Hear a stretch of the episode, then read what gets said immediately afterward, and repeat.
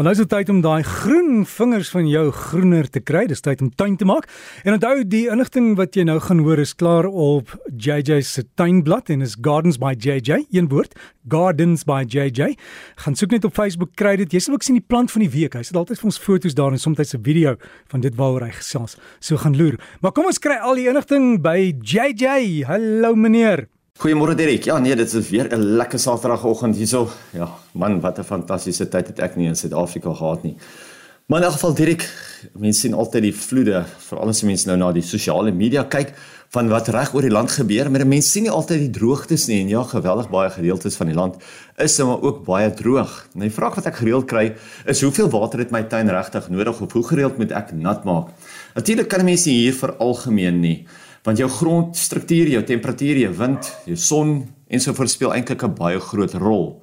Nou oor die algemeen sou ek 2 keer per week onder normale somers weer aanbeveel het en 1 keer per week oor die winter om jou tuin nat te maak. Maar as weer eens soos ek sê, mens kan dit nie vir algemeen nie. Mens moet maar kyk na elke tuin kan ook anders wees. Nou kom die vraag op, hoekom so min?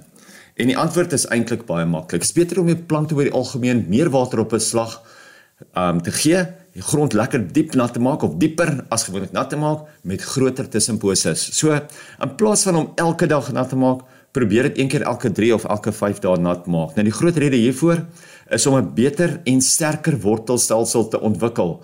As jy mens daagliks van nat gooi, is daar geen rede vir die plante om dieper sterker wortels te ontwikkel nie. Weet jy ek het toevallig hierdie week by 'n praatjie gesê en toe sê dit een tannie vir my, weet jy, jy, jy dis waar wat jy sê.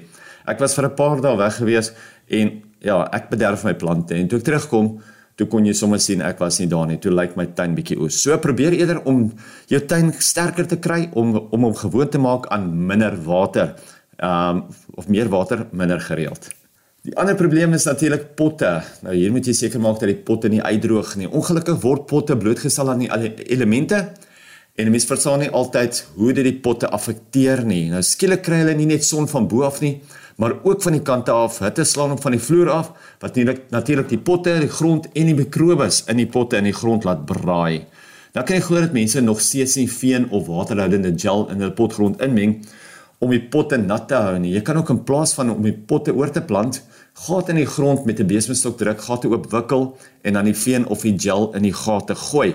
Ek hou daarvan om dit onder die grond te kry en dit is hoe mense dan nou onder die grond kan kry, veral met die gel. As 'n mens daai waterhoudende gel gebruik, hy kan nie deur die son gesien word nie. As hy deur die son gesien word, word hy afgebreek, maar as 'n mens die veen indruk, hy kan nog deur die son gesien word en hy sal nie sommer vinnig afbreek nie.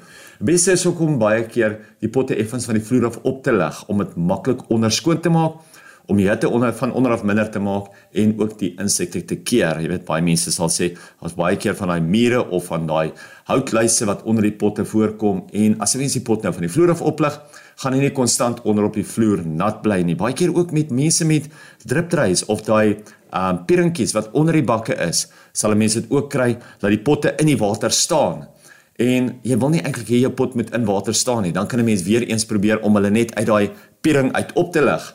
Nou hier kan 'n mens as 'n mens kyk nou om om die um, potte van die vloer af op te lig, kan 'n mens eenvoudige potvoete gebruik of as jy iets kleines wil gebruik um, wat dalk weggesteek gaan word, interessant hier enetjies gebruik sommer koeldrank proppies, jy weet. Hulle is lekker sterk. Hulle is gewoonlik oor die algemeen dieselfde hoogte. So baie mense sal nou sê nee, ek gebruik sommer klippies of gebruik boombas, maar mense sit altyd met die probleem dat hulle nie altyd ewe groot is nie. So as jy net 'n koeldrank proppie sou gebruik, dan ehm um, gaan hy gaan al drie die drie of vier die koeldrank proppies dieselfde grootte wees en dan kan 'n mens letterlik hulle net daai rapsie van die grond of van die spiering af oplig en dan weet jy jou plant staan nie in water nie. Vrugtebome wat nou spesifiek gekyk na moet word is jou avokado peerbome en dan natuurlik ook jou grenadillas. Nou ek praat net maar daarvan wat ek weet dit is vrae wat ek in die week gehad het. Nou ewe spesifiek behoort nou al blomme te vorm of 'n blom te wees of al het pas klaar geblom afhangende van die spesies of variëteit wat jy by jou het.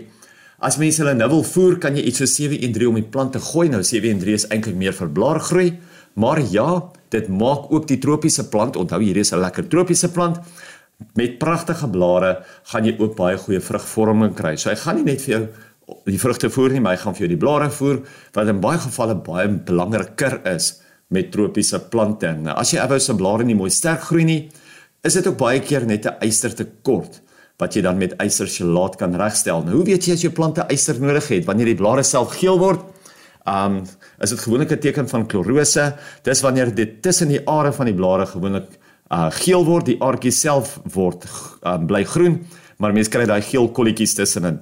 En dan kan 'n mens die ysterchelaat kan 'n mens ingooi of in water en natuurlik gaan jou ystervlakke dan reg wees in die grond. Baie baie belangrik vir alles wat kom by Grenadellas en ag dis as mens kyk na jou Kersrose en nog meer. Hulle hou nogal van daai ysterchelaat. So as jy ooit regtig geel blare het, maar die aardjie self bly groen, dan het 'n mens yster nodig, maar in hierdie geval praat ek nou spesifiek van die avokado's.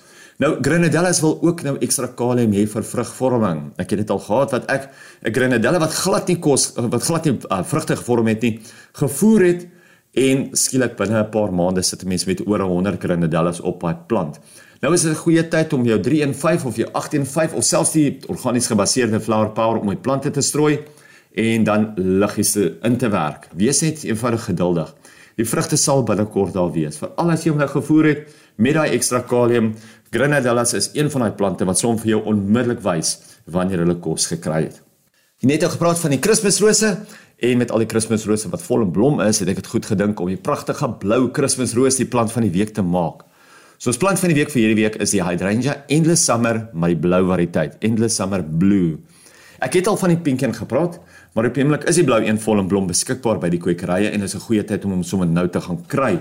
Dis weer eens 'n variëteit wat lekker lank blom, nie net in die lente nie, maar ook tot laat in die somer, want baie van jou uh Kersrose blom net in die lente maande en dan skielik hou hulle op met blom of jy kry net dat hulle so konstant vir jou blomme gee. En nou hierdie ouetjie maak pragtige groot balle blou blomme uh die plant self word net so, so net oor 'n meter hoog, net minder as 'n meter wyd. Hy verkies natuurlik 'n area met oggendson en middagskaduwee en hy hou van sy suurgrond, so plant hom met suurveen of met kompos. Die plant is lekker gehard, maar onthou, hy hou ook van gereelde water, so gooi hom gereeld nat. Derek, ek dink dit gaan 'n ongelooflike lekker lang herfs wees as ek so voel hoe die aandtemperature al klaar val. So ek dink volgende week gaan ons sommer 'n bietjie praat oor lentebolle en natuurlik ook jou lentesaailinge of jou wintersaailinge wat mense eintlik nou al kan plant. Ja, lentebolle en wintersaailinge. So gesels ons saam met JJ van Rensburg as jy van wil kontak, gaan loer op daai Facebook bladsy, jy kan daarvan af hom sommer sy vrae stuur en dis Gardens by JJ, Gardens by JJ en dis op Facebook. Soek die groep, sluit aan, kry die inligting en lekker tuin maak.